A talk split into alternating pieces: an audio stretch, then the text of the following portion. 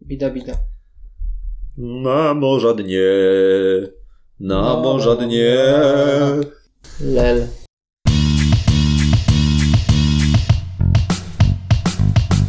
Cześć, z tej strony Malarz Marian? I kurdes. i w dzisiejszym odcinku ty mnie zawsze rozwalasz. Nigdy cię nie wiemy, czemu tak ak- akceptujesz. I czy to się inaczej pisze? Właśnie. I właśnie dlatego będę- dalej to robił. Dobra. W dzisiejszym odcinku w imię zasad y, porozmawiamy sobie troszeczkę o dodatkach do gry Abyss, czyli o Krakenie i o Lewiatanie. To co? Kraken na start. Mhm. Jakie wrażenie po Krakenie? Chyba główną mechaniką są nebulisy. Taką Tak. najbardziej charakterystyczną. Tak, to na pewno się najbardziej rzuca w oczy. I jeśli chodzi o nebulisy, to ja je generalnie raczej lubię. Głównie dlatego, że w podstawowej grze zwykle raczej mi brakuje pereł, a pojawienie się nebulisów generalnie sprawia, że dużo łatwiejszy jest dostęp do, do waluty. Raz że, raz, że to jest dodatkowe źródło jakiegoś rodzaju pereł, a dwa, że też te nebulisy skłaniają, żeby je wydawać, więc trochę to zmienia y, płynność gry. Płynność finansową. Tak. Płynność O. perłową. Tak, z drugiej strony, jak masz ich za dużo i ciężko ci z nich zejść, no to jest kłopot, tak? I to przed mnie teraz zabolało w ostatniej grze. Tak, ale w sumie to No, własne życzenie. Tak, to, to, to nikt cię tak naprawdę nie zmusza do brania tych krakenów, więc jeżeli masz y, O. dużo, dużo nebulisów, bo liczyłeś na to, że ci pomogą i będziesz w stanie je wydać, no to Czy nikt, to też nie powiem, bo jak robisz ryneczek, czyli jak to się nazywa oficjalnie, Eksploracja głębi. eksploracja głębin, i dotrzesz do końca i ci się trafi kraken, no to sorry, jednak cię zmusza. Czekaj, pozwól, pozwól, że teraz użyję argumentu, którego y, zawsze, którego zawsze słyszałem od was. Mogłeś tego nie robić. Mogłeś wziąć pod uwagę to ryzyko i nie iść do końca rynku po tą perłę, biorąc pod uwagę, że będzie tam kraken. ale to jest prawda. To jest prawda, ale kraken to jest 7 kart w, 60, w 70-parokartowym deku. No to... No, jak masz dostać krakena, to i tak dostaniesz. Mm, No to nie, znaczy w tym przypadku, no to jest kwestia... Nie, to bardzo rzadkie przypadki są, że Mhm. kto, masz wymuszone y, nebulisy z, poprzez wzięcie krakena. Zgadzam się. Aczkolwiek jest też ta druga część jej mechaniki, czyli że nebulisami można płacić innym graczom w zastępstwie pereł. Tak, i tu już to twoja jedyna decyzja to jest przed każdą eksploracją głębin sprawdź, jaki jest stan finansowy pozostałych graczy. Jeżeli któryś z nich ma same nebulisy albo jakiegoś lorda, który pozwala wydawać je w sprytny sposób, no to nie rób eksploracji głębin, bo oberwiesz nebulisem. No, jest- Oczywiście, jeżeli nie chcesz oberwać nebulisami, na przykład już widzisz, że się gra heliku końcowi, tak jak ja miałem teraz w ostatniej partii, myślę, brakuje mi kart, no, dek, zostały dwa deki, ale one są naprawdę słabe, bo pamiętam co tam jest, no, potrzebuję jakieś trójeczki. No i nie mogę zrobić eksploracji głębin, bo patrzę, że dwaj pozostali gracze mają same nebulisy i mam mały impas. No tak, ale to jest takie dosyć sytuacyjne. Znaczy, generalnie wygląda to tak, że nebulisy warto na start gry mieć, znaczy bardziej się opłaca je mieć, bo, bo dają ci większą płynność, a chcesz się ich pozbywać pod koniec. I przede to, wszystkim, jak weźmiesz je na, na początek gry, to masz dużo czasu, żeby się ich pozbyć. Też. No właśnie, y, ja powiem Ci tak, jak pierwsza zagrałem, zagraliśmy z Krakenem, to dla mnie to było coś ciekawego, powiew świeżości. Takie, okej, nowa głębia w tej grze. Coś się dzieje, no okej, jest to negatywna interakcja, ale jakoś strasznie mnie to nie boli. Okej, spoko. Można mieć taki y, high risk, high reward powiedzmy. Więc tak, na początku ten dodatek mnie zaciekawił, ale im więcej graliśmy, tym więcej zauważyłem, że po pierwsze, na koniec gry zupełnym przypadkiem można oberwać nebulisem. Zwłaszcza właśnie robiąc rynek i ktoś ci płaci, albo ktoś nagle kupi lorda pod tytułem daj innym graczom nebulisy, albo różne inne rzeczy. Generalnie może się tak zdarzyć, że pod koniec gry obry- obrywasz nebulisem i dostajesz na koniec krakena minus 5 punktów. Tak, jest to jak najbardziej realne. I to jest turbo słabe. Nie podoba mi się bardzo ta kara minus 5 dla najsłabszego gracza, znaczy dla tego, co wziął najwięcej nebulisów, zwłaszcza, że u nas bardzo często te poziomy nebulisów były bardzo zbliżone. Tak, to jest bardzo istotne, bo same nebulisy nie byłyby takie złe, gdyby nie ta figurka, która daje minus 5 temu, kto ma ich najwięcej. Gdyby jej nie było, to był, byłby mniejszy problem. A tutaj nagle robi się przepaść za to, że nieraz przez przypadek dostałeś nebulisa. I to faktycznie jest uciążliwe. Tak, szczególnie, że to nie musisz mieć najwięcej, wystarczy, żebyś zremisował jako ostatni. Tak. Jedna jeszcze rzecz, która a propos nebulisów i figurki Krakena y, jest upierdliwa, to jest przekazywanie tej figurki Krakena. No tak. E, No tak. My tak za bardzo zapominamy o przekazywaniu, że zapomniałem teraz, że trzeba to robić. Tak, trzeba niby podczas gry pilnować, że zawsze jak ktoś... y, No bo zasadniczo, gdyby ta, gdyby ta figurka działała tak, że na koniec gry, jeżeli ktoś ma najwięcej, to ma minus 5, a jeżeli jest gracze remisują, to na przykład obaj mają minus 5 albo minus 3, whatever, to nie trzeba by tej figurki pilnować. Nie musiałoby jej nawet być. Nie musiałoby jej nawet być, ale robiąc dodatek, dodatek oryginalny wydawca stwierdził, dajmy fajną plastikową figurkę, to zwiększy prawdopodobnie sprzedaż. No wiecie, to też jest tak, że teoretycznie, gdyby pamiętać o tym, że się to przekazuje i w ogóle, bo tu jest największy problem, to ta figurka też łatwo y, pokazuje, kto ma te najwięcej, tak? Gdzie jest, jakby gdzie patrzeć, że ktoś ma najwięcej pereł i do czego celować. No niby tak, no i teoretycznie też jakąś tam wprowadza dodatkową warstwę, że możesz decydować komu Mhm. w niektórych sytuacjach przekażesz, to jakoś może wpłynąć, ale koniec końców dla mnie to jest po prostu uciążliwe. Całe, wszystko co jest z tą figurką związane i te ekstra ujemne punkty i jej przekazywanie. Tak, no właśnie to Zdecydowanie tak. przekazywanie przede wszystkim. Zdecydowanie tak, bo my i tak mamy problem z pilnowaniem tej figurki, więc to, gdzie ona stoi, nic mi nie mówi, bo może stać w złym miejscu, bo ktoś zapomniał przekazać.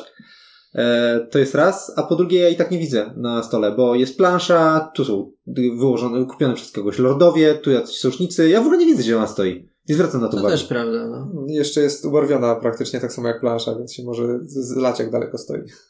E, Tak, poza tym jeszcze samo przekazywanie tej figurki jest niejasno opisane w instrukcji, to tylko na BGG ludzie piszą, e, jak ona działa, to znaczy w instrukcji jest tylko powiedziane, że kiedy dobijasz do takiej wysokości, jak ma człowiek, który ma najwięcej nebulisów, to on ci przekazuje tę figurkę, natomiast kiedy na przykład schodzisz, że ktoś ma dwa, a ty masz trzy i pozbywasz się tej trzeciej, to trzy oddajesz, no to według ludzi na BGG zawsze w momencie, kiedy triggeruje się, że jest remis na nebulisach, to, to Kraken zmienia swoje miejsce. Tak, ale jak jest Ale- tak de facto? Ale to nie jest napisane w instrukcji, ale to jest w ogóle kazus tej gry, ponieważ w samej podstawce było wiele niejasności. Były na przykład takie jasności, czy jak kupię Lorda, to mogę go użyć od razu w tej samej turze, kiedy go ku- kupiłem, czy moja główna, tak jakby akcja kończy moją turę. Nie? Czy od razu po zakupie Lorda mogę go użyć, jeżeli ma napisane raz na turę coś tam zrób. Albo czy jeżeli kupię Lorda, ale to jest trzeci klucznik, to czy jeszcze mogę odpalić jego umiejętność, czy od razu się zakrywa miejscem. Zwłaszcza przy jednym z lordów, który mówi natychmiast jak go kupisz, że jest pasywny. To jest klucznik Mhm. ten dowódca, nie? Że tam wszyscy mają zmniejsz- zmniejszoną rękę i my tam nie Tak, patrzyliśmy, że te miejsca natychmiast natychmiast chyba natychmiast przykrywają trzech kluczników, ale on ma napisane natychmiast reszta graczy redukuje. I coś pierwsze, nie? I takie case'y. Albo czy życiodajne kominy, czyli to miejsce, które mówi yy, zamień to miejsce na dowolne miejsce w stali yy, miejsc i nie wiadomo, czy co się dzieje z tymi kominami. Czy je się odrzuca poza grę, czy je się wtasowuje z powrotem do stali. To nie jest Znaczy, napisane. ja tak wprost czytając zamień bym mówił, że się dorzuca, no ale fajnie by było, żeby rzeczywiście to było wyjaśnione. Szczególnie, że to jest całkiem mocne miejsce. Właśnie, bo było napisane wymień to miejsce. To No, zamień i wymień to jest słabe. podobne dla mnie. Ale to już są takie problemy z językowe. Tak w ogóle w międzyczasie wybadałem te kominy i okazało się, że w oryginale leci to tak. Black smokers, you may immediately switch this location with a location of your choice from the deck. Switch with jasno wskazuje, że życiodajne kominy wchodzą z powrotem do talii lokacji i mogą zostać ponownie odnalezione. No więc tak. No ale wróćmy do nebulisów. Podobna mechanika karnej waluty jest y, w dodatku do Lords of Waterdeep. Tam była mechanika czaszek, która polegała na tym, że do niektórych rzeczy przy okazji ich kupowania dostajesz czaszki.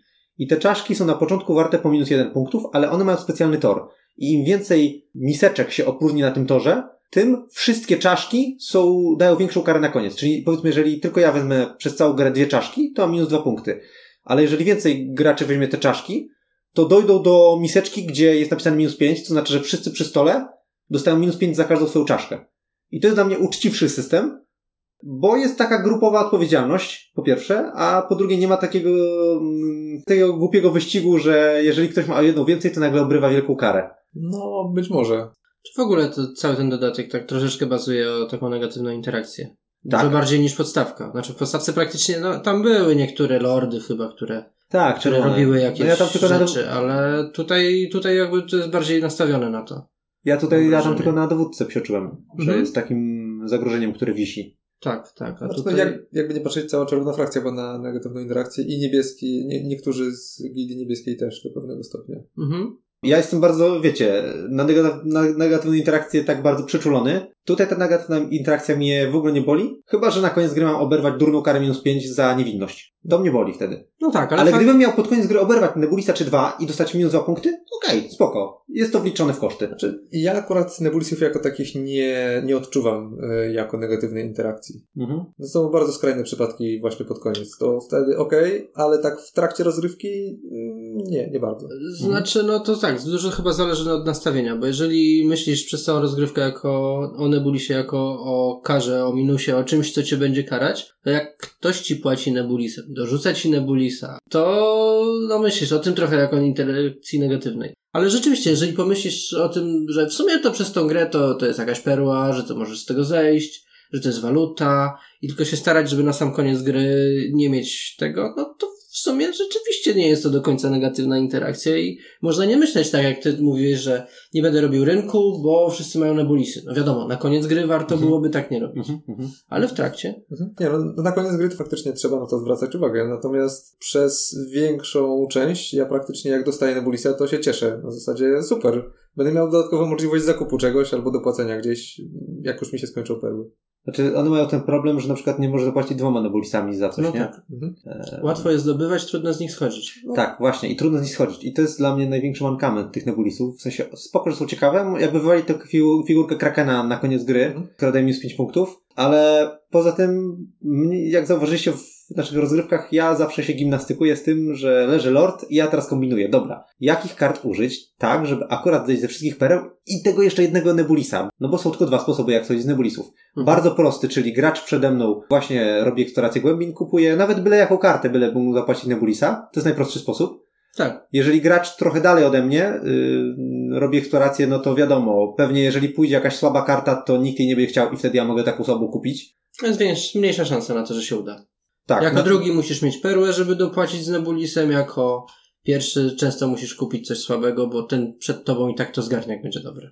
Tak, więc da się, to nie jest takie trudne, ale to, to wymaga czasu, ale to się da, ale dla mnie gorszą gimnastyką jest y, próba pozbycia się nebulisów płacąc za lordów, bo no Mhm. nie wiem, może ja tak grałem, ale miałem wiele sytuacji, jak zauważyliście, wiele takich frizów, że zaraz, jak teraz ułożyć te karty, żeby akurat zabrakło mi, y, tam plus na przykład mam dwie perły, to jeszcze plus dwie perły dopłacam, czyli i jeszcze jednego nebulisa, czyli z kart muszę wyciągnąć dokładnie tyle. I teraz ko- kombinowanie. Na ręce mam takie karty i robię, mam taką zagadkę y, Mhm. liczbową po prostu, na którą siedzę ze dwie minuty i sprawdzam, którego lorda mogę kupić, żeby zejść akurat z dokładnie takiej ilości pereł, żebym zszedł z jednego nebulisa. Ja się chyba nie staram po prostu aż tak schodzić z tych Nebulisów. Jeżeli się przy okazji da zejść z Nebulisa, fajnie. A jak nie, no to trudno, może następnym razem. Ja mam wrażenie, że to jest problemem dopiero kiedy się wpadnie w tą pułapkę i nabierze, nazbiera tych nebulisów bardzo dużo, Mhm. bo wtedy faktycznie się pojawia taka presja, że mam ograniczoną ilość kolejek, więc muszę szukać każdej okazji, żeby z nich zejść. E, Natomiast no, jest w moim odczuciu możliwe e, uniknięcie tego po prostu właśnie przez niewydawanie e, krakenów.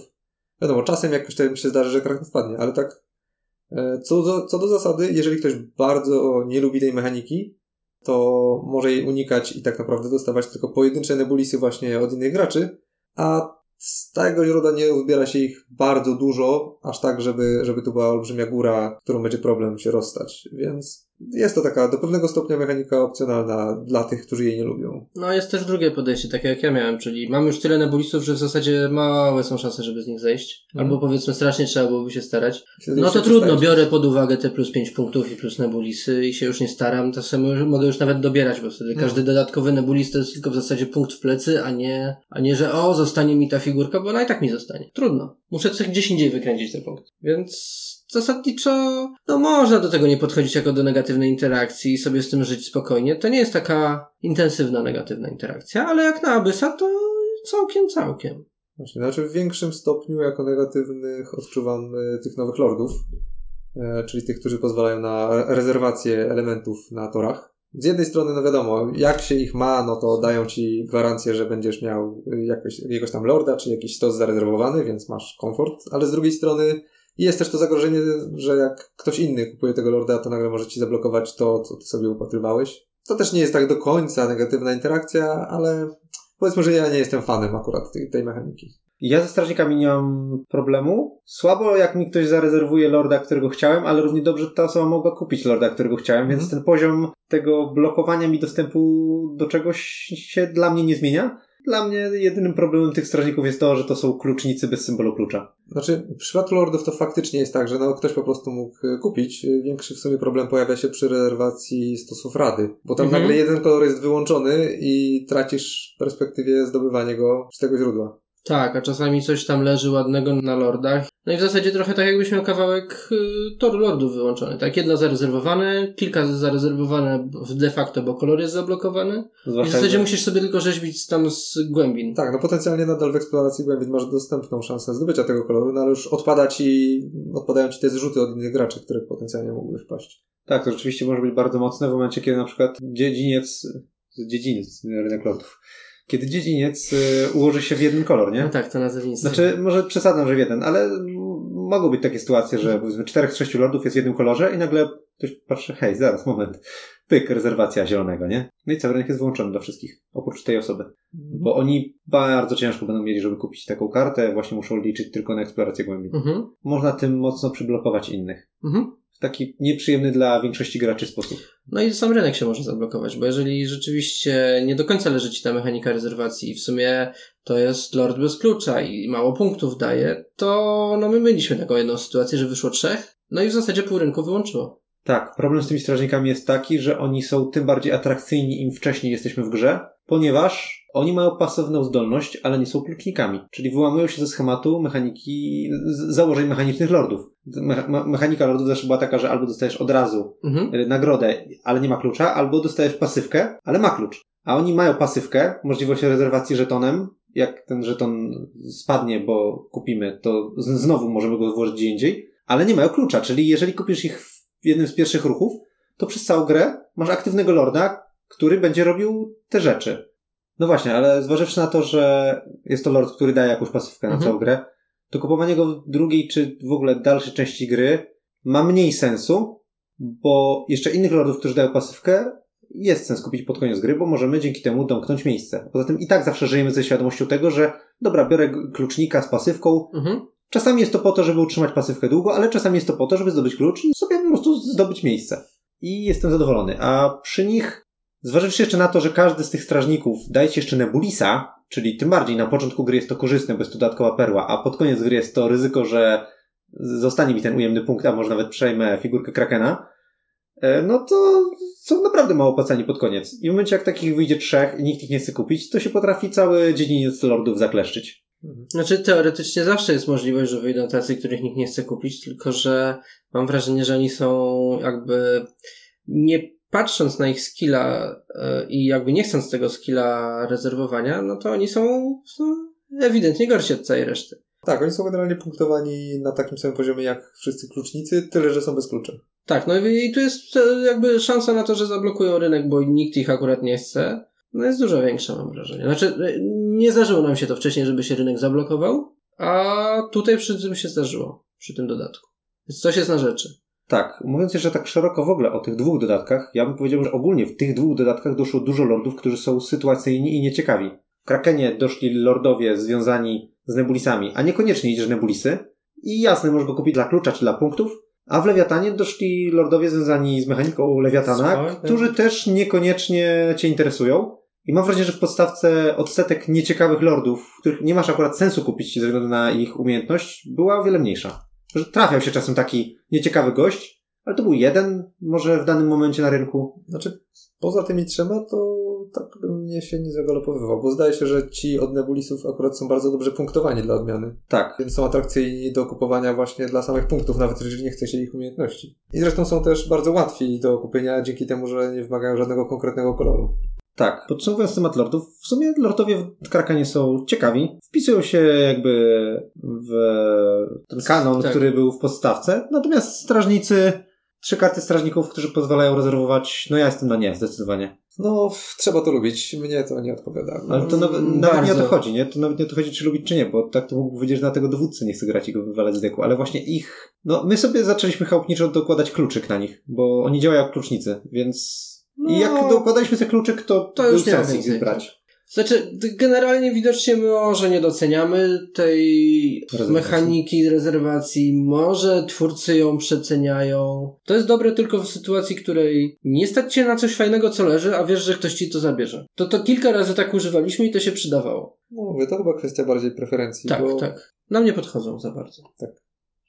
Co jeszcze? Miejsca. Przede wszystkim ciekawe, fajne miejsca nowe. Znaczy intrygujące może, nie tam ciekawe, doszło, ale... doszło ich łącznie 6, dwa są w miarę zwykłe, a cztery są dosyć specyficzne. Dostęp Tak. do talii łupów. Dostęp do talii łupów. Tak, w sumie to jest taki trzeci moduł, tak? Pierwszym Mhm. są y, nebulisy, drugą są ci wartownicy, którzy są taką nietypową rzeczą, a trzecią są właśnie cztery miejsca, które dają dostęp do talii łupów. No właśnie. Co macie do, do powiedzenia o tych miejscach? Bo ja powiem tylko na wstępie tyle, że jak tylko zobaczyłem, co to jest jaki to jest push your luck, to stwierdziłem, że to będzie jakieś nieporozumienie. Takie było moje pierwsze wrażenie przed zagraniem z nimi, czy przed naszymi symulacjami? Ja się nie nastawiałem aż tak, a jak się okazuje po symulacjach powinienem. Bo tak, bo żeśmy koniec końców sobie po, trochę pobawili się. Bo Mechanika jest w sumie prosta, tak? Ciągniesz karty z deku, one mają cyferki, jeżeli trafi ci się dublet, to ten dublet ci się kasuje i wszystko, co poza, poza tym wyciągnąłeś, to tyle masz. Plus bonusiki są też. Na każdej prawie karcie masz jakąś dodatkową nagrodę, którą Mhm. i tak dostaniesz. Tak, przy czym niestety może się zdarzyć tak, że pierwszą kartę, którą wyciągasz, to jest na przykład siódemka, i drugą kartę, którą... i powiesz, ciągnę dalej. Może zatrzymać się wziąć siódemkę. Ciągniesz dalej, znowu siódemka, no i masz miejsce za zero. Tak, tak, tak, to właśnie, bo tu jest jakby I szansa na to jest 25% w ogóle, że jeżeli stwierdzasz, biorąc miejsce, że cokolwiek by się nie działo, dwie karty pociągnę z talii łupów, to jeżeli talia łupów jest oczywiście nie, nie rozpoczęta, tak? Jest pełna, nikt No, jeszcze nie tak, zaczął. tak, tak. To szansa na to, że gra cię uwali na tych dwóch pierwszych kartach i one się zdublują jest 25%. To jest prawie jedna piąta. Nie- Przepraszam, 18, przepraszam, 18. 20, 18-33%. 25% to masz jak, że jak wyciągnąłeś siódemkę, to wyciągniesz następną. Tak, dokładnie, przepraszam. E, tak, więc over, overall, jak w ogóle decydujesz się wziąć to miejsce, jest niecałe 20% na to, że biorąc na pewno, że chcesz wziąć dwie karty, skończysz mając 0 punktów. Natomiast w zależności od tego, jak się pociągnie pierwszą kartę, to już się rozciąga. Jeżeli pierwsza karta to była trójka, to to jest nieco ponad 8%, że znowu wyciągniesz trójkę, Mhm. no ale wtedy przynajmniej masz nagrodę pocieszenia, bo na trójkach są klucze.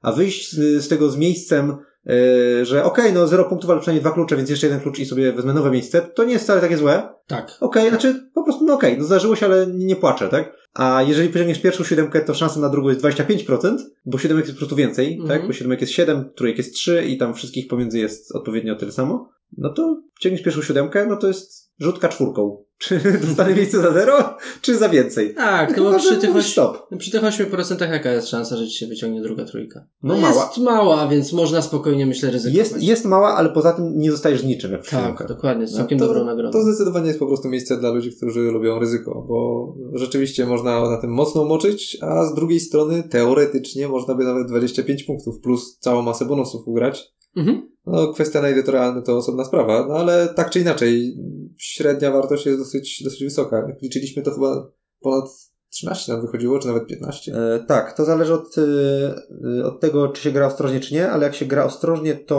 około tak, około 13-15 punktów się powinno wyciągać. Ostrożnie, czyli no, powiedzmy jak wyciągnę siódemkę, znaczy jak pociągnę dwie pierwsze karty i powiedzmy to nie są 3-4, to raczej stopuję, a, a na testach, gdzie się gra bardziej na jolo, czyli no powiedzmy tak około trzech kart się stara zebrać, czasami czterech, to dzięki tym nagrodom, znaczy to już liczymy te punkty tak sum, podsumowując mniej więcej jeszcze wartość nagród, jak to się przelicza na punkty, czy potencjał punktów, no to te miejsca są warte wtedy około 17-19 punktów, tak mniej więcej. Tak, ale, Średnio statystycznie, wiadomo jak to jest. Ale z Ale- bardzo dużym ryzykiem. tak, ale właśnie, bo mówiłeś 18,3% na to, że wyciągniesz dublet z ręki. No. Warto, że każdy z Was sobie przetestował to, bo myśmy sobie zrobili z Michałem próbę po 20 takich, e, jak to nazwać, nie wiem, minigierek, nie? Hmm. Z tym losowaniem. I tobie ile wyszło? 15%? Tak. Czyli tyle, ile mówi statystyka. Tak, a mi 45. Wyciągnąłem na 20, wyciągnąłem 9 dubletów. Więc sprawdźcie, jakiego macie farta, nim do tego podejdziecie, czy w ogóle warto do tego podchodzić. Ale ta gra ma coś z fartem, przecież to jest nie tylko to, przecież zawsze jak rzucamy, kto będzie pierwszym graczem, to zawsze ty jesteś pierwszym graczem. No tak, a później jakbym ciągnął to miejsce, to będę miał dublety ciągle. Tak. Więc warto się przetestować. Jest jakaś, można powiedzieć w międzyczasie jest jakaś magia w tej grze. Jak, jak ktoś chce sobie zaryzykować, to, to można się tym bawić. To jest, to jest całkiem wesołe, przynajmniej dopóki nie wyjdzie dublet, którego się nie chciało. Ale jak ktoś woli unikać takich ryzyk, to, no, to najlepiej zawsze Są inne miejsca. tak, brać coś innego. Tak, ja zasadniczo po tym jak sprawdziliśmy rozkład i kilka razy przetestowaliśmy, stwierdziłem, że jestem tego fanem, ponieważ nikt nie każe mi tego brać. Jest to natomiast ekscytujące, jak ktoś lubi pusher luck, to może Mhm. to zrobić.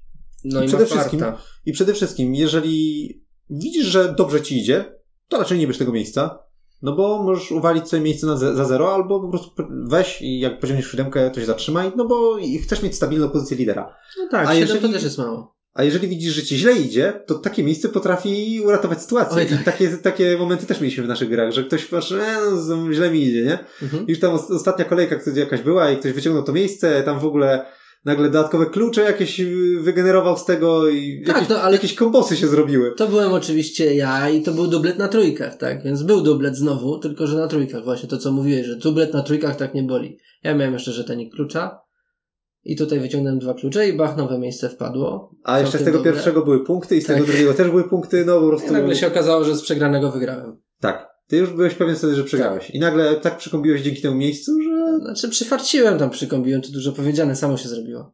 No ale... Tak naprawdę, ale Push your luck. To, dokładnie, to jest dokładnie. push your luck. To jest jeden z emocjonujących elementów tej gry. To losowanie, mm, jak to się nazywa? Sanktuaria w oficjalnym? Teleskop, rzucony konwój, pole bitwy, megalodon. To sanktuaria, tak. Jej! Tak, masz rację, to są to sanktuaria. No tak, bo w tej grze nazewnictwo wszelkich akcji, e, frakcji, sojuszników i miejsc ma znaczenie, więc tak, te cztery miejsca to są sanktuaria. Tak. E, więc tak, generalnie ode mnie okejka na sanktuaria. Tak. Wpisują się w losowość tej gry, ta losowość jest bardziej, ale nikt ci tego nie każe. Mhm. Są emocje, a chyba trochę o to tutaj chodzi. Warto znać oczywiście swoją losowość. Powtarzam, ale generalnie fajnie się jest to Know gra. your random. tak. E, No i co? Lordowie w takim razie też są w zasadzie na plus. Oprócz strażników. Oprócz strażników, którzy na mnie podeszli. Chyba, że się na nich y, nałoży klucz. Jak wychodzi strażnik, No dobra, no ale na podstawowych zasadach zasadniczo No nie, na tak podstawowych. średnio, średnio. Sytuacyjnie bardzo. i, No i nebulisy, właśnie. i nebulisy w sumie są ciekawe. Co kto lubi, Tak. natomiast ode mnie powiem tak. Dla mnie generalnie ta mechanika jest na minus, bo powoduje u mnie frizy, kiedy chce się ich pozbyć i spowalnia dynamikę gry. Dla mnie ta mechanika jest na minus, bo Michał powoduje frizy i spowalnia grę. Ale poza tym, gdyby nie ja, który, bo miałem, nie wiem, tych, nie wiem, Mhm. około, pod 10 gier mieliśmy z Krakenem, No, to miałem, myślę, ze 3-4 razy taki freeze w tych grach, ostatnich zwłaszcza. gdyby nie to, to moim zdaniem spoko jest. Ona nie jest jakaś bardzo, bardzo taka męcząca. No to zresztą tak jak mówiliśmy, to jest 7 kart na cały wielki dek Mhm. sojuszników, więc to nie jest też tak, że te, to są przypadkowe te nebulis. Ja to tak jak mówiłem, dla mnie to jest jak najbardziej na plus. Jestem, Mhm. jestem fanem. Czyli wyszło na neutralnie. Tak, to, to można lubić albo nie, po prostu. Yy, No, na pewno jest ciekawiej. To chyba wszyscy się Mhm. zgodzimy, że z Tak. Nebulitami jest ciekawiej. Dobra, to jest chyba już wszystko o Krakenie. To jak wasze wrażenia? Czy Kraken jako dodatek poprawia grę, czy pogarsza grę, czy zmienia waszą ocenę? Dla mnie poprawia, zdecydowanie. Głównie właśnie dzięki nebulisom. Fajne jest to, że tak naprawdę jeżeli komuś nie leżą te elementy, niektóre dodatkowe, to można po prostu je wyłączyć sobie, zakładając, że, po, Mm. że, że, nie leży tylko część, a nie większość. Dla mnie z dodatkiem gra wskakuje na, na 5 mniej. What? Mnie ten dodatek nie zmienia wrażeń z gry. To jest dalej, dalej Abyss. Gra się inaczej. Trochę ciekawiej, ale trochę dla mnie upierdliwiej, więc słodko-gorzko nie zmienia mi to oceny. Znaczy, dla mnie jest bardziej urozmaicona. Więcej się dzieje, więcej jest dodatkowych rzeczy i póki oczywiście to nie powoduje frizów, to jestem też raczej na plus co do tego dodatku. Trochę więcej emocji też wzbudza, więc moim zdaniem skakuje na 4+. Plus. Dobra, to co? Lewiatan. Lewiatan Trollololo Lewiatan. To co powiecie o Lewiatanie? jest dodatkiem. E, ja, ja, ja zacznę od jednej rzeczy, jednego mojego spostrzeżenia. Graliśmy na Lewiatana około 5 razy, nie licząc gier na homebrule. To graliśmy około 5 razy i ja te 5 gier dwa razy pociągnąłem kartę wę- węgorza. W sensie z deku mnie osobiście dodatek Lewiatan dwa razy się pociągnął w 5 gier. Tak wydałem pieniądze na dodatek, że prawie go nie, nie tknąłem nawet. No tak, to, to jest trochę problem, bo jednak trafić na potwora, jak masz 9 kart Tak, na cały do- gruby dek, Tak, rośnie ilość z 6 do 9 ilości kart niby potworów. jest tak samo, a nawet no podobnie trudno jak w przypadku nebulisów, ale jakoś nebulisy to się trafiają. A tu Bo nebulisy idą do wszystkich. Jak ty wyciągniesz nebulisa, kraken, kartę krakena, to wszyscy mają okazję ją kupić, ale raczej chyba nie chcą, chociaż zależy od tego, jak ma lordów. poza tym może wpaść w radę. Poza tym może wpaść w radę. I to też A się, No. no, tak czy inaczej, jak już ktoś te nobilisy zacznie używać, to one wchodzą w obieg i potem latają między graczami. no tak. A, A z Lewiatanem jest tak, że okazję do zaatakowania i walki z potworem e, ma tylko gracz, który akurat dociągnął taką kartę. Mhm. No właśnie, i teraz jak z tą walką z potworem? Dla mnie sama walka z potworem jest ciekawa. Znaczy, jak już poszedłem na tą walkę z potworem i poszedłem na nią, powiedzmy, świadomie, to jest fajna, no. Masz jakieś tam te symbole, które musisz mieć, karty.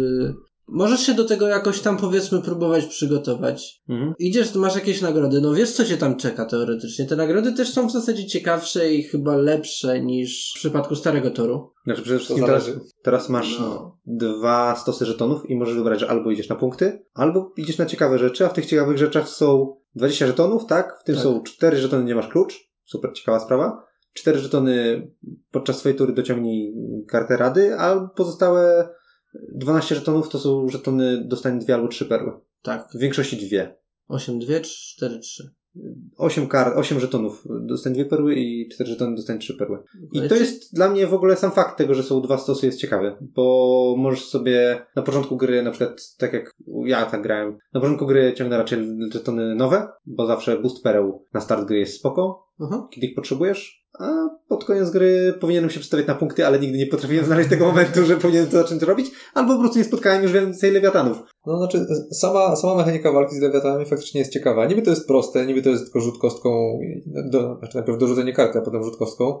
No ale są tam te specjalne, specjalne mechaniki, które pozwalają czasem modyfikować y, wynik. Wiadomo, jest to trochę liczenie na szczęście, ale trochę się można przygotować. I cała mechanika nie byłaby problemem, gdyby nie to, że to, co już wcześniej było wspomniane, nie ma praktycznie wpływu na to, kiedy się na tą walkę pójdzie i trzeba liczyć na szczęście. Tak. Po tym, jak jest skonstruowana gra, mam wrażenie, że lewiatany miały być takim czynnikiem, który jest zagrożeniem dla graczy i powinniśmy się raczej ich obawiać. Natomiast my je traktowaliśmy jako farmę punktów, ponieważ wydanie jakiejś karty, jednej czy dwóch, po to, żeby zgarnąć żetony punktów fajne, to się zawsze opłaca. Szczególnie jeżeli możesz wydać jedynkę i dostać dwa żetony punktów. Albo ewentualnie perły, jak nie wyjdzie. Albo per- właśnie, albo perłę, bo jeżeli już zaatakujesz tego lewiatana i mu nic nie zrobisz, no to masz nagrodę pocieszenia w postaci perły. I to jest bardzo dobre, że A jest nadal nagroda. możesz go atakować. I to jest bardzo dobre, że jest nagroda pocieszenia. I zwłaszcza właśnie, że wydawanie jedynek i, no dobra, to mam perłę. Przelepianie kart jedynek na perły jest super.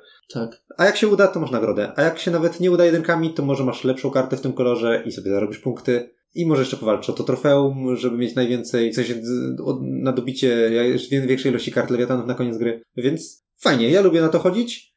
Tylko kwestia jest tego, że, Że chodzisz. no, zupełnie ode mnie nie zależy, czy wyciągnę karty potworów. Dokładnie, tak jak nam się w ostatniej grze strafiła sytuacja. Było koniec końców pięciu lewiatanów na torze, a zeszło, o ile dobrze pamiętam, 7 na 9 kart e, Mhm. lewiatana. Potem już osmo nawet też. Potem ósma też, ale mieliśmy pół deku jeszcze. Więc szanse na przemielenie całego deku i zaczęcie od nowa były praktycznie zerowe na tą tempo gry. Tak. A szanse na wyciągnięcie potwora były też prawie zerowe, więc zasadniczo one sobie tam się kisiły na tym torze lewiatanów. Nikt na nie nie szedł, bo to nie miało sensu. Pójść na radę, zmarnować całą kolejkę licząc na lewiatana, na którego praktycznie i tak nie trafisz, a trafisz wtedy, kiedy go nie chcesz. Tak, co najlepiej udowadnia jedna z rozgrywek też y, ostatnio na dniach, kiedy podczas jednego toru eksploracji, kiedy akurat miałeś zero kart na ręce, Mhm. wyciągnąłeś chyba trzy, trzy węgorze w jednym, y, podczas jednego toru. I musiałeś trzy razy uciekać. Na szczęście trzy razy uciekłem. To też był to urbofart, bo już i tak dwa leżały. Tak.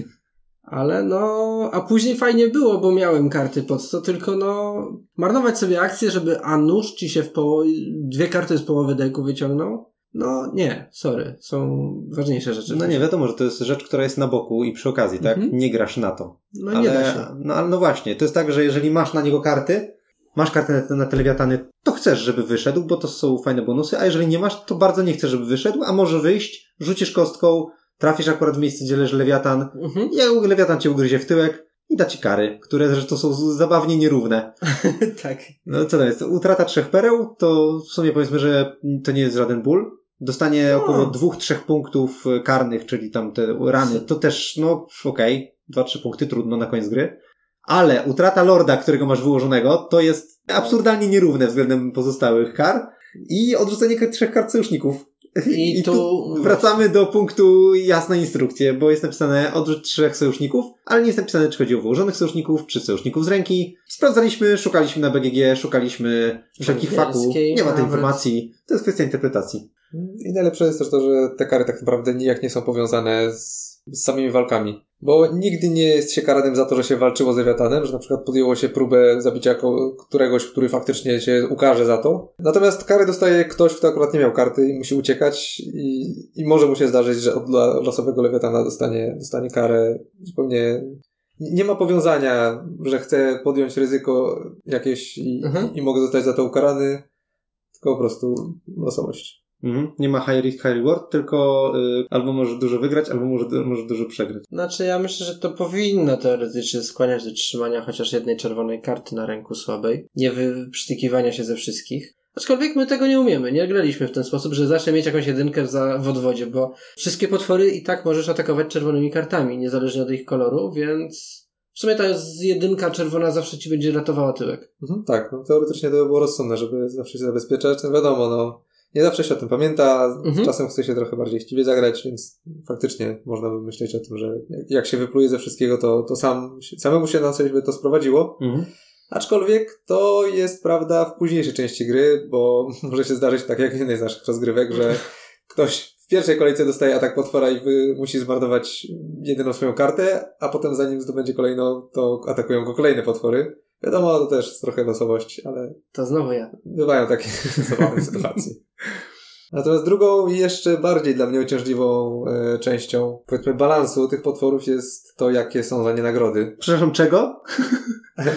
Nie, Nie, no to, tak, to taki mityczny termin, który się w niektórych grach przewija, ale akurat nie w tej. Czekaj, najlepszym przykład był taki duet potworów, bo tak, chodzi ci o to, że są nierówne, jeżeli chodzi o nagrody, względem tego, jaką siłę trzeba wyrzucić. Tak, tak. No te lewiatany mają jakieś tam rany, które trzeba im zadać. Ja- Jakieś konkretne wartości trzeba wyrzucić, żeby zadać ranę i, i odpowiednie do tego powinny być nagrody, ale są nieraz absurdalne kompletnie sytuacje, gdzie trzeba wyrzucić dokładnie tą samą liczbę na dwóch różnych lewiatanach i nagrody są różne o dwa albo trzy żetony nagród, albo że trzeba nawet nieraz wyrzucić więcej, żeby dostać jeszcze gorszą nagrodę. Tak, Mhm. najlepszy przykład lewiatanów, dwóch, które ewidentnie świecą imbalansem. Oba, oba, oba lewiatany mają jeden punkt życia. Jednego z nich można zabić żółtymi lub czerwonymi kartami i trzeba wykonać atak o sile 7. W nagrody dostaje się 4 żetony nagród. Drugiego zaś można pokonać tylko czerwonymi, trzeba wykonać atak o sile 9, a nie 7, a nagroda to 2 żetony. Dlaczego tak jest? Może pan Bruno Catalan by nam odpowiedział. Ale cóż. Wydaje mi się, że autorzy mieli jakiś pomysł na to, e, żeby to powiązać z kolorami i to gdzieś tam w ramach kolorów jest w miarę powiedzmy spójne. Pomiędzy kolorami jest totalnie rozjechane na zasadzie niektóre kolory dają mocniejsze potwory i słabsze nagrody. I gdzieś jakaś prawidłowość w tym jest, ale dlaczego i z czego to ma niby wynikać, nie mam pojęcia. Czyli, czyli w tej całej chmurze są jakieś małe obszary logiki, które ze sobą działają. Że ktoś miał pomysł na coś, ale jakby, no, nie wiem o co mu Może chodziło. po prostu nad każdym y, kolorem lewiatanów pracował inny team.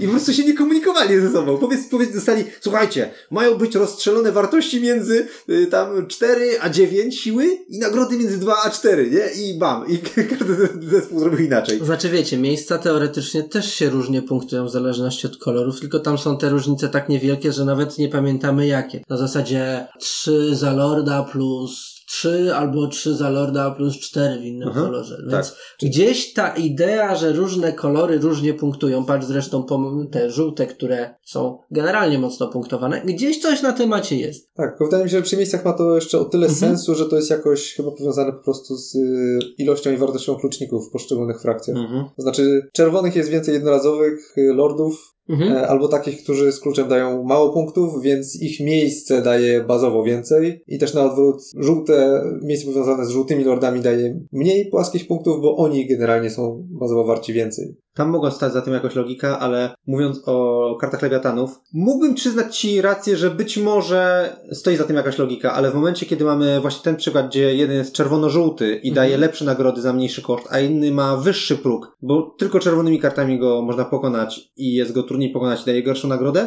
wywala całą tą logi logikę na pysk. Tak, ale nie. Znaczy się teraz mi przyszło do głowy coś takiego, wracając do tego mojego poprzedniego stwierdzenia, że w sumie gra powinna sugerować, że powinieneś mieć jakąś jedną czerwoną kartę, że jeżeli autor pomyślał w ten sposób i takie coś chciał narzucić graczom, że zbierajcie te czerwone karty, bo będziecie ich używać w potworach, no to zasadniczo zawsze masz te czerwone karty, więc ziomek, który jest na czerwone karty jest... Uh, ale. Ale ten drugi też jest na czerwone. No ja wiem. Więc twój argument jest inwalidą. Wiem, On no. też jest na czerwone, tylko ma jeszcze możliwość pokazania go żółtymi. Tu nie, nie, nie da się obalić tego absurdu, który tutaj widzimy na tych dwóch kartach. Kwestia, jakie były zamiary, to może jakieś były, może nie, ale w ostatecznym produkcie zdecydowanie Tak, ja mimo tego, że gdzieś czuję, że jakaś logika w tym była, nie rozumiem tego. Po prostu nie jestem w stanie tego puzzla rozpuc... Nie, co się robi z puzzlami?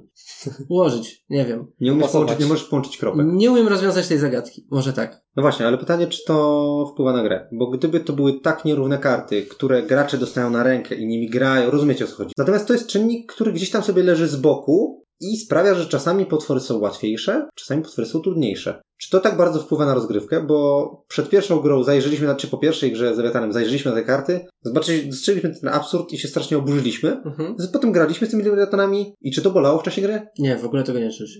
Głównie dlatego, że jest losowość, kiedy to wyjdzie i w sumie nie ma się za bardzo na to wpływu. To jest takie, Dokładnie. to, to nie jest taka integralna część gry tak naprawdę. To jest coś, co leży obok planszy i czasem ugryzia, czasem nie. Tak, czasami gra mówi, o czekaj, to teraz przerwij Abyss i zagraj sobie w grę Lewiatan. Skończyłeś? Dobra, to wracaj do Abyssa. E, ale co chciałem powiedzieć, to to, że ja widziałem taką jedną sytuację, kiedy akurat wyszedł potwór, który właśnie daje bardzo dużo nagród i gracz przede mną miał akurat możliwość za, e, powalczenia z tym potworem i łatwo zdobycia tych nagród, a po chwili inny gracz zastąpił, wleciał nowy potwór, właśnie o wiele trudniejszy i po chwili kolejny gracz patrzy, aha, czyli stanąłem przed tą samą sytuacją, co kolega przed chwilą, tylko teraz mam, ja mam przerąbane, a on miał farta. Tak, zasadniczo W sumie jest trochę znak towarowy tej gry ogólnie. Tak, no tu jest dużo rzeczy losowych. Startor też był w pewnym sensie losowy, a aczkolwiek wiadomo inaczej, no bo tam była decyzja, czy podbijasz, czy bierzesz słabszą nagrodę. Podbijasz, mając nadzieję, że może ci się wylosuje, albo nie chcąc brać słabszej nagrody, albo chcąc robić rynek dalej. Tak czy inaczej, wcześniej to się rozbijało o zmienną sytuację i adaptację, a tutaj patrzysz na te karty i kręcisz głową i mówisz, nie, to, to, to jest coś nie tak. Ktoś się pomylił. Tak, ale mam wrażenie, że tak ogólnie podczas gry jakoś bardzo nas to nie gryzło. Tak jak patrzysz na te karty i próbujesz je porównać, to jasne, ale nie, dobra, gryzło nas, owszem, ale, ale nie to. Nie imbalans, tylko same lewiatany. Może imbalans to nazw, imię któregoś z nich. Wiesz, to są lewiatany, one mają tysiące imion. Przedwieczne. Jeden się nazywa random, drugi się nazywa imbalans, czy...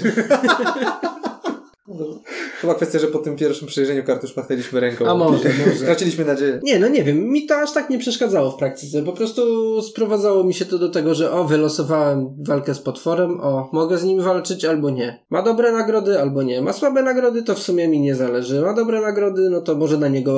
No, czekaj, nie pójdę, bo jak go wylosuję, to go wylosuję. Jak ucieknę, to mnie ugryzie. To i tak na Tak. niego pójdę. Jak mogę, to z nim walczę. Zasadniczo doszliśmy do wniosku, że to byłoby ciekawsze, gdyby ta mechanika była dodatkową akcją polowania na lewiatany. I wtedy można by coś z tego ro- robić, z tego jako dodatkowy moduł. Natomiast kiedy to wpada tak na randomie i nie zależy od nas, kiedy polujemy na te lewiatany, dla mnie coś tutaj nie pasuje bardzo. Znaczy fakt, bo sam dodatek dodaje no tylko lewiatana. Chociaż kurczę, te nagrody nowe z lewiatana są fajne. Znaczy te nowe żetony. Stos nagród, tak. Tak, No, to ale jest okej, to jest spoko. Tak, Mi się podoba. Tak, tak, tak. No i dochodzi co jeszcze? 10 nowych lordów, z czego 5 jest y, natychmiastowych i oni się jakoś wiążą z lewiatanem, albo są uzależnieni od tego, ile potworów leży, albo coś tam. I oni działają ok.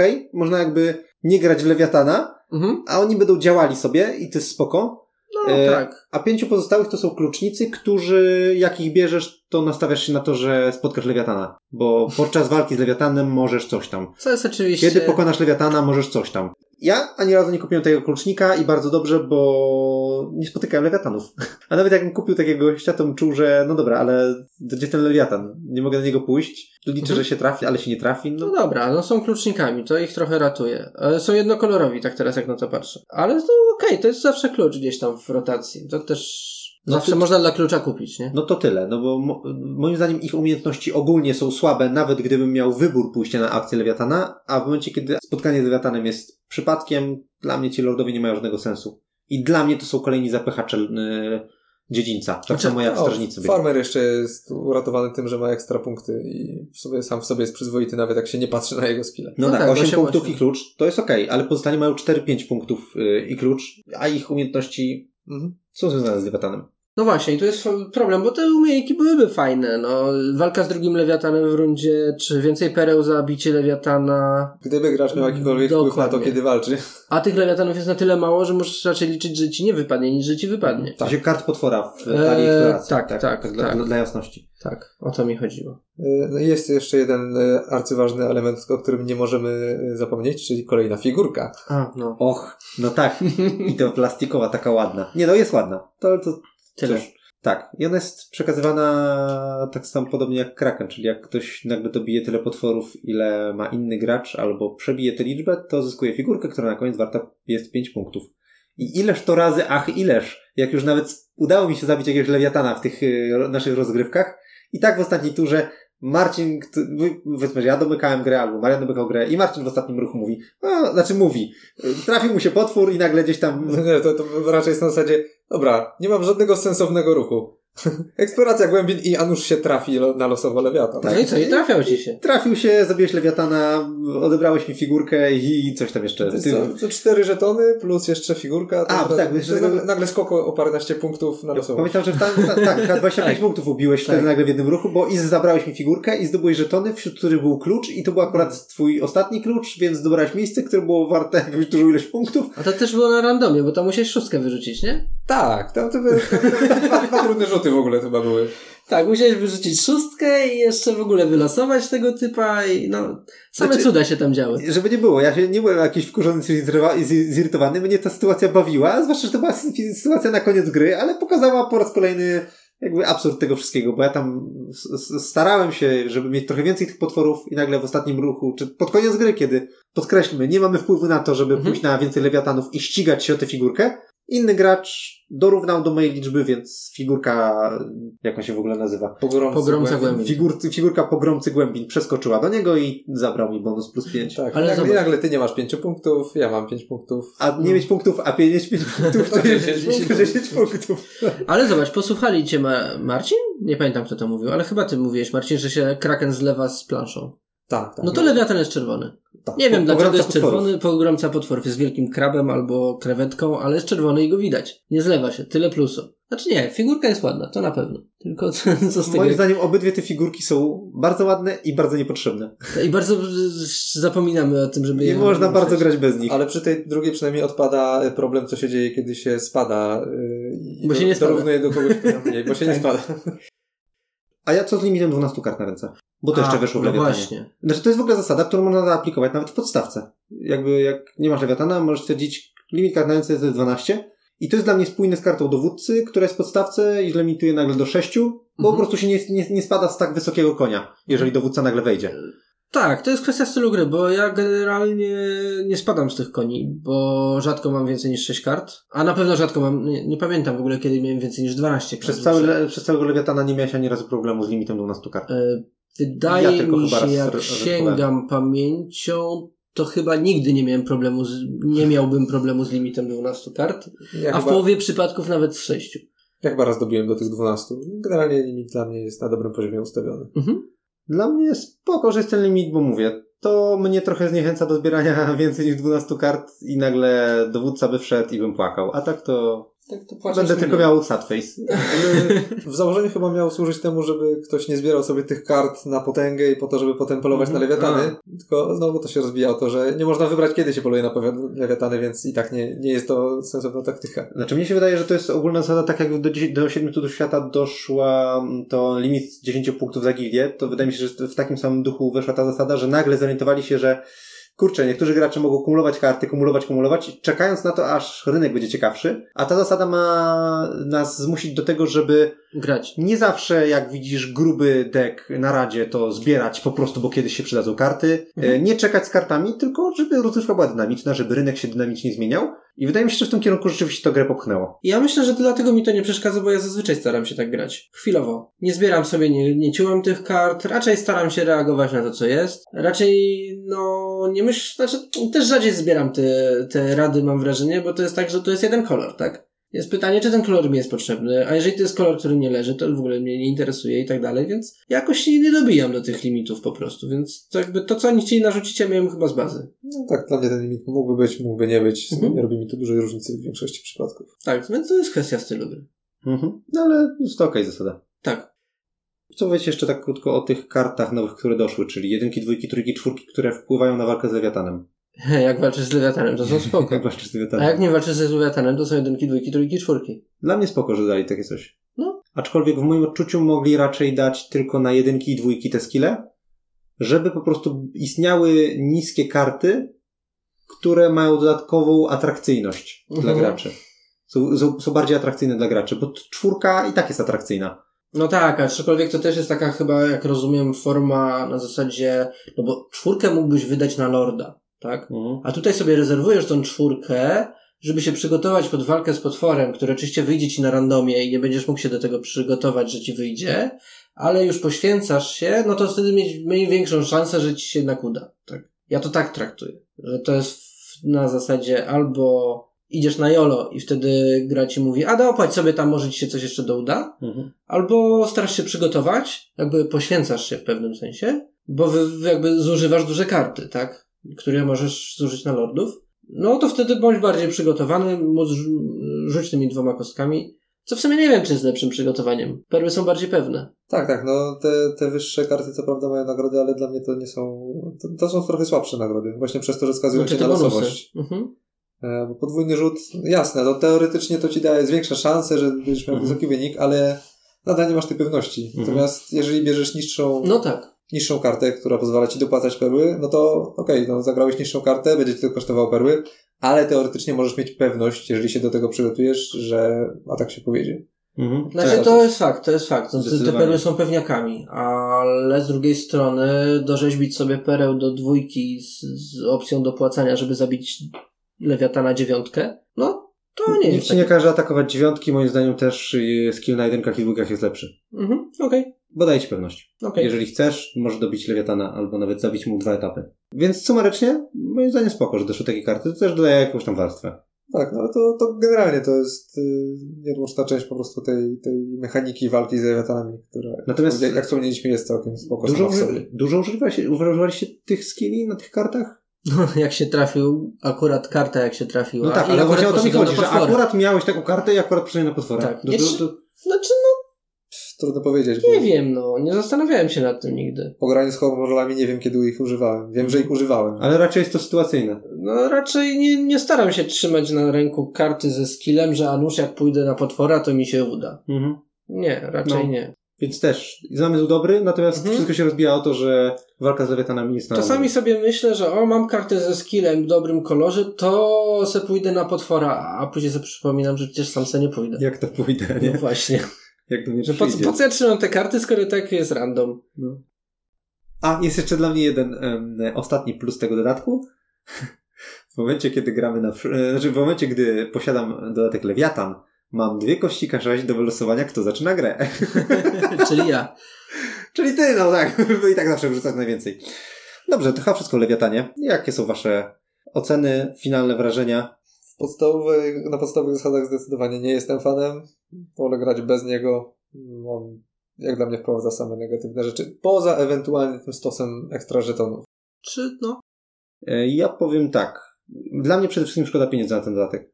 To jest mechanika poboczna, która po pierwsze wywala z gry y, stary tor nagród, który okej, miał swoje wady, do których ja się trochę czepiałem, że jest za długi, a tak naprawdę bardzo szybko chcemy brać te nagrody. Wywala tam ten No. tor, a wsadza nowy tor, który nie, moim zdaniem nie działa za dobrze. W sensie, to jest tak, to jest naprawdę ciekawy moduł. Tylko zaaplikowanie go w sposób taki, że idziemy na niego w, lo- w losowych sytuacjach i kiedy masz na to karty, to się cieszysz, bo będziesz miał fajną kolejkę dzięki Mhm. temu, bo zarobisz fajne rzeczy prawdopodobnie. A jak nie masz akurat kart, to niby twoja wina, ale możesz na rzucie kostką źle wylosować i dostajesz po tyłku. No To, to jest dla mnie bzdura. Więc zasadniczo przede wszystkim szkoda na to pieniędzy. Dla mnie w ogóle do- dodatek nie, war, nie warto, nie warto go kupować.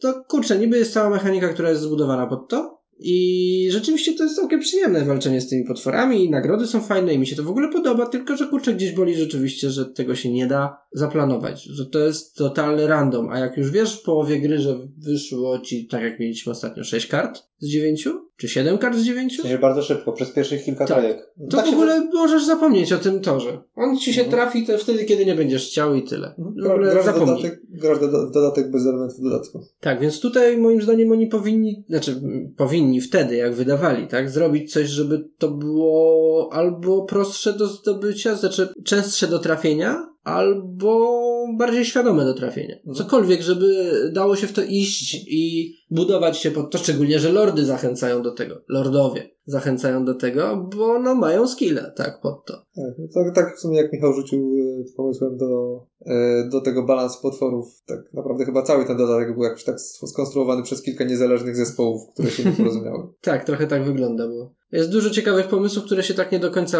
łączą ze sobą, nie kleją. Ale coś nie łączy. Znaczy, no nie łączy się to, że masz... e, Sam, sam lewiatan się nie łączy z podstawką. Nie, że masz nie. pasywnych zdolności lordów, których nie możesz wykorzystać, dlatego że system odpalania lewiatanów Mhm. jest losowy. Dokładnie. Mhm, no tak, Więc rzeczywiście. To, to się nie łączy. Oczywiście, tak? tak jak ktoś lordów też osobno robił, myśląc, że będzie możliwość polowania na potwory, ale nie, wiedzieli- nie wiedzieli, że to będzie na randomie. W ten sposób. Może pierwotnie były takie plany, tylko potem coś się zmieniło. Mm. Tak, bo tam z tego, co instrukcja Mhm. mówi, były jakieś plany, które W się podstawce zmieniały. coś tam się tak. zmieniło, tak, ale to mniej, mniejsza z tym. To możliwe, to możliwe.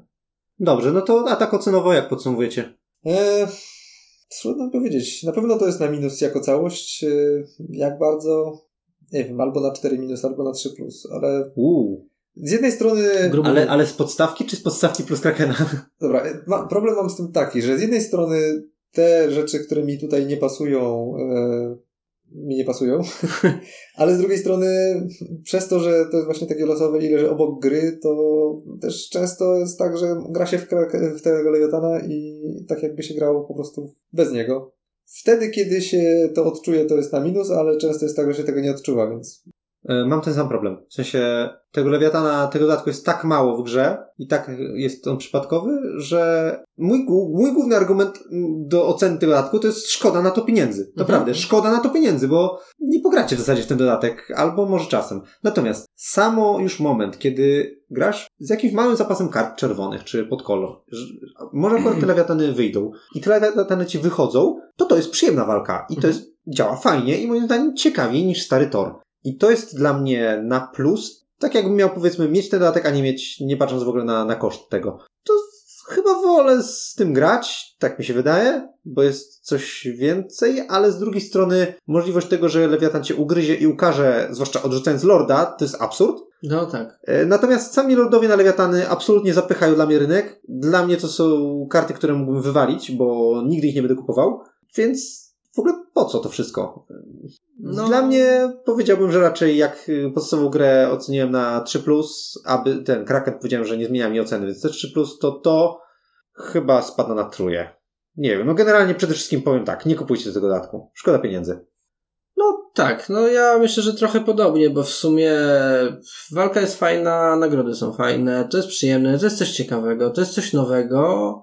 Nie, dobra, nowego to nie jest dobry argument. To jest coś bardziej, no, rozbudowanego, jest znowu większa różnorodność, trochę jak w Krakenie. Więcej się dzieje, więcej emocji czasem to wzbudza. No, ale właśnie, gdyby to działało. A przez to, że nie działa, no to, to mamy znowu zapchany rynek lordów, to co mówiłeś? Więc mamy fajne plusy, mamy niefajne minusy, jak zwykle. To jest obok. To na to się rzadko trafia. Lordowie niestety nie są obok. Yy, więc myślę, że plusy z minusami mi się akurat zerują i nie zmienia mi to oceny, oczywiście podstawki. Mhm. Czyli co? Cztery. Czyli nie ma, nie, ma, nie ma znaczenia tak naprawdę. Tak. Mhm. Czy gra się tak samo, moim zdaniem, losowo, jak w podstawkę? Może tak. Tyle, że Mm. się traci ten standardowy tor potworów. To też zależy No od tego, tak. czy ktoś go lubił, czy nie. Ja akurat wolałem tamten tor bazowy i Mhm. dlatego samo usunięcie jego w momencie, kiedy dodatek niczego nowego nie wnosi w jego miejsce w praktyce. No. Ja powiem inaczej. Mnie, dla mnie największym defektem jest to, że lordowie z kluczami związani z polowaniem na lewiatany zapychają rynek i to jest Mhm. absolutnie dla mnie na minus czynnik. Gdybym ich wywalił, powiedzmy, że nie gram, tą piątkę walam do pudełka, po prostu nie korzystamy z nich, to chyba wolę lewiatana, bo w starym torze przynajmniej mnie irytowało to, że ja bardzo często jak trafiałem na pierwszy etap, to mówiłem, nie no, jeden żeton za mało, a potem ktoś inny dostawał dwa żetony. Mhm. I było takie, kurde, a tutaj, jeżeli chcę być przygotowany, to skorzystam z tej okazji, żeby powalczyć sobie z lewiatanem i lewiatan jest to jest fajna zabawa, że rzucam ten, a może dostanę perłę, może dostanę punkty. Spoko, coś się dzieje. Natomiast też może być tak, że jedni dostaną takie okazje i będą sobie na tym plusować, zyskiwać, a inni nie dostaną takiej okazji, więc m- mówię o tym, że dla mnie to jest trochę niżej niż sama podstawka, bo po prostu ten dodatek to jest dla mnie jedno wielkie rozczarowanie. Znaczy tak, jego po prostu jakby trochę nie ma. Znaczy jak jest to fajnie, że wpadł, ale tak zasadniczo go nie ma, przez to lordowie zapychają rynek. To jest piąty raz powiedziane oczywiście.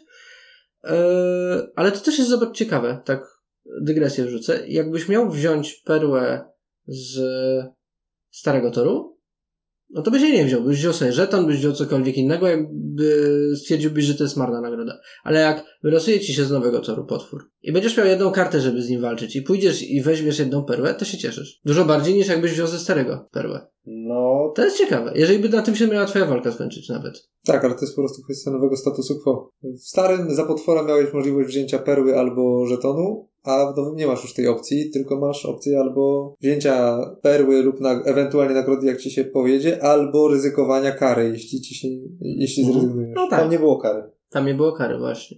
Jedyną karą to było to, że podbiłeś komuś, a nie sobie. No ale to jest, znowu, to jest random. No dobra, no to w sumie nie zmienia mojej oceny, to nie zmienia mojej oceny, wam obniżyło ocenę. Dobrze, no to w sumie od nas to już jest wszystko w tych dodatkach, czyli reasumując, jeżeli lubicie Abyss, kupcie Krakena, bo jest to coś ciekawego, nie kupujcie Lewiatana, szkoda pieniędzy. Ale jak już macie, to w sumie sobie możecie zagrać. Albo sprzedać. Albo...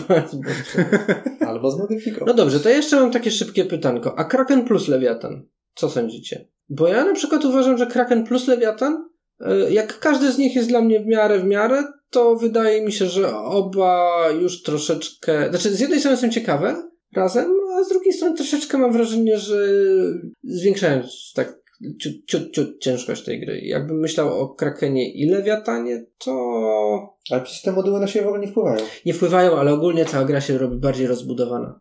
Jest więcej Wie- opcji. Na pewno więcej zajmuje miejsca na stole przez y, tor granicy, Mhm. czyli tych Lewiatanów. Ale... No ale chociażby te żetony, które y, zastanawiasz się, czy je odpalić przed swoją turą, czy to ci na coś wpłynie, czy Tak. nie wpłynie. Tego kminienia przy. Lewiatanie i Krakenie, na przykład w twoim przypadku, Tak. było dużo więcej. Tak, tak. To znaczy to, że prze, na początku swojej tury, zanim cokolwiek zrobisz, możesz y, odpalić żetony Lewiatana, wyprodukuj sobie dwie albo trzy perły, jeżeli takie nagrody oczywiście się zdobyło. Mhm. I wtedy to cyrklowanie związane z nebulisami i to, czy mam odpalić te żetony, albo czy jakby ta warstwa, które karty użyć i który żeton, czy odpalić żeton na perły, na Mhm. perły, czy nie, to już brain freeze do kwadratu się robi. Jak na ciężkość tej gry oczywiście, no bo Tak, tak, to nadal nie jest jakaś ciężka gra, ani nawet specjalnie no, średnia, ale, ale niepotrzebnie spowalnia to grę. Tak, no to jest wyraźne tutaj. Te, te brain freezy przy tak nieciężkiej gry są zauważalne po prostu przez Tak. to, że nagle wpadają, tak? Tak, przez na- nadmiar tych możliwości związanych Mhm. z, nebulisy plus żetony, które mogą ci w dowolnym, dowolnej turze wygenerować perły. Tak, więc to jakby no, z mojej oceny jeden z dodatek z drugim, niby każdy z nich dużo nie wnosi, ale razem gdzieś tam Znaczy, troszeczkę nadwagi łapie ta gra. Powodują mały szko, szkopuł opisany Tak. przed chwilą i tyle. No. Więc co tylko potwierdza, że kupić Krakena, nie kupować Dokładnie. Lewiatana. Dobra, dzięki, mówi dla was Smalasz. Marian? Kurde jest. Pa, pa, pa.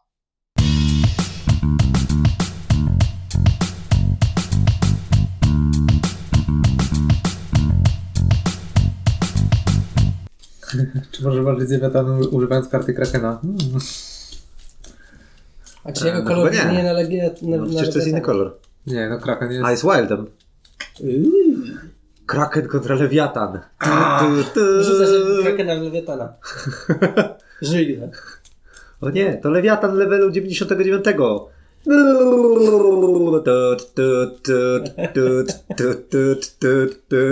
Wybieram cię, Kraken! Tak bym to widział. No i teraz pytanie, czy jest super efektyw, czy jak tam było w Pokémonach ten drugi efekt? No, Luxury efektyw? Nie pamiętam. Tak, stworzony przez twórców gry. Można użyć krakena, żeby walczyć z Lewiatanem. Czyli super efektyw! Thank you.